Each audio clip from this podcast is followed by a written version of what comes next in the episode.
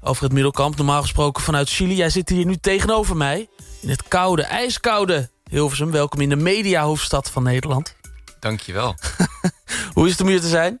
Uh, koud. Ja? ja, ik, ik, ben hier nu een, een dikke week. Ik kwam vorig uh, tien dagen geleden aan. Toen plensde het van de regen. En ik, ja, ik mocht gelukkig met mijn oude team mee voetballen. Dus ik heb nu één wedstrijd er in de, in de plensende regen op zitten. En afgelopen, of ja, vandaag mocht ik weer meedoen. En in de kou. Ik ben nu heen gereden door de sneeuw. En ja, we zullen zien of ik er thuis kom. Het is toch spannend, hè? Want je moet naar... Ik moet uh, straks nog terug naar Assen. Ja, nou, dat wordt spannend.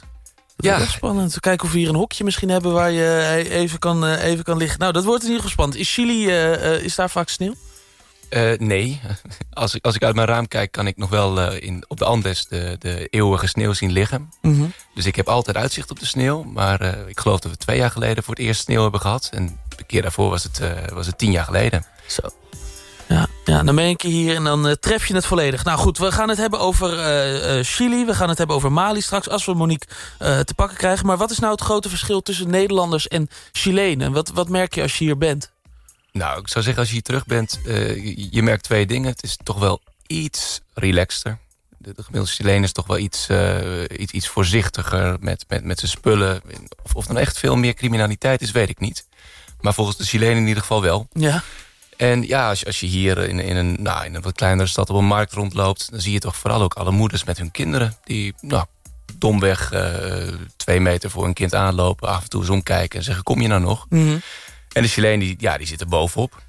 Die, die, die, die, als, je, als je ook maar je kind even uit je, uit je oog laat, uh, laat verdwijnen... Dan, uh, dan zal die wel gekidnapt worden. Dus uh, ik vind het wel lekker relaxed hier eigenlijk. Zo, waarom zijn die Chilenen zo gevoelig daarvoor? Ik heb geen idee. Het is het idee van dat je alles maar moet voorkomen. Dat, dat, dat er maar niks mag gebeuren. En dat zie je, zie je op een heleboel plekken terug. En, oh. het is echt wel even wennen hoor. Ja. Wat is het Chileense nieuws? Wat heb je meegekregen daarvan vanuit Nederland?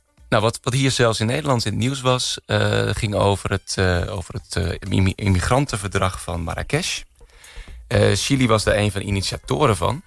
En één dag voordat het verdrag gesloten zou worden... dat ze daarheen zouden gaan... hebben ze via een onderminister in de krant laten weten... Oh, we gaan het toch niet tekenen.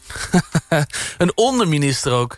Dus echt, echt iemand die er weinig over te zeggen had? Ja, dat zouden wij dan de staatssecretaris noemen, denk ah, ik. oké, okay, dat valt mee. Ja. Maar, dan nog, uh, zoiets bespreek je volgens mij in een parlement. Mm -hmm. En dan, uh, dan, dan, dan, besluit je daar wat over. En ja, nogmaals, Chili begon hiermee. Chili heeft hier aan meegeschreven. En één dag van tevoren zegt ze, nou, nee, we doen het toch niet. Wat bezielt uh, die mensen dan? Ja, er, er zit daar nu een, een wat meer rechtse regering... die de teugels toch wel fors aantrekt. Kijk, de migratie is uh, vijf keer toegenomen. Mhm. Mm -hmm. En wat, wat hier Syriërs zijn, zijn in Zuid-Amerika de Venezolanen de Haitianen langere tijd. Ja, en dat, dat, loopt in die zin natuurlijk ook wel stevig op. Het zijn er vijf keer zoveel als, uh, als, als een, periode terug. Maar om, om nou meteen te zeggen... we gaan überhaupt niet meer aan dat soort verdragen meedoen... zonder dat met een parlement te bespreken... is toch wel een beetje rigoureus. Ja, heel plotseling. En, en ik, ik neem aan dat de rest van het parlement... zich uh, nogal gepasseerd voelt. Ja, die, die, zijn daar, uh, die zijn er absoluut niet blij mee. Nee. Nou, je moet wel zeggen, er lopen gewoon een heleboel uh, processen. En ja, uiteindelijk is het natuurlijk wel een, een, een, land... waar of rechts of links aan de macht is. Dus het gebeurt gewoon.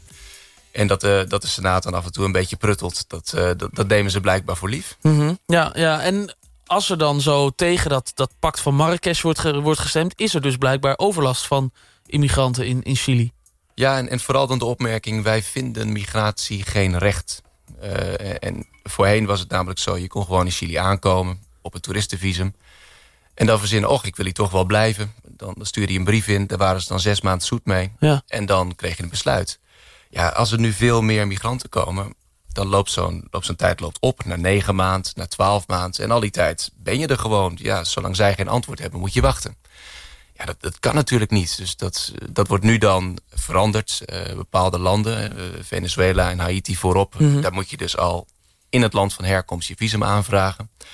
Uh, er heeft een, een reguleringsproces plaatsgevonden. Dus iedereen die illegaal was, had, had een maand ongeveer om zich te melden. Hele sporthallen met, met, lange rijen ervoor. En daarna is begonnen met, met deporteren. Ze zijn van plan er dit jaar nog 2000 uit te zetten. En nou is de president is, de voormalig directeur van een grote vliegmaatschappij. dus die heeft zijn lijntjes daar wel. En ja, die regelt dan af en toe zijn vliegtuig. En dan, wordt een heel vliegtuig vol met Haitianen teruggevlogen naar Haiti.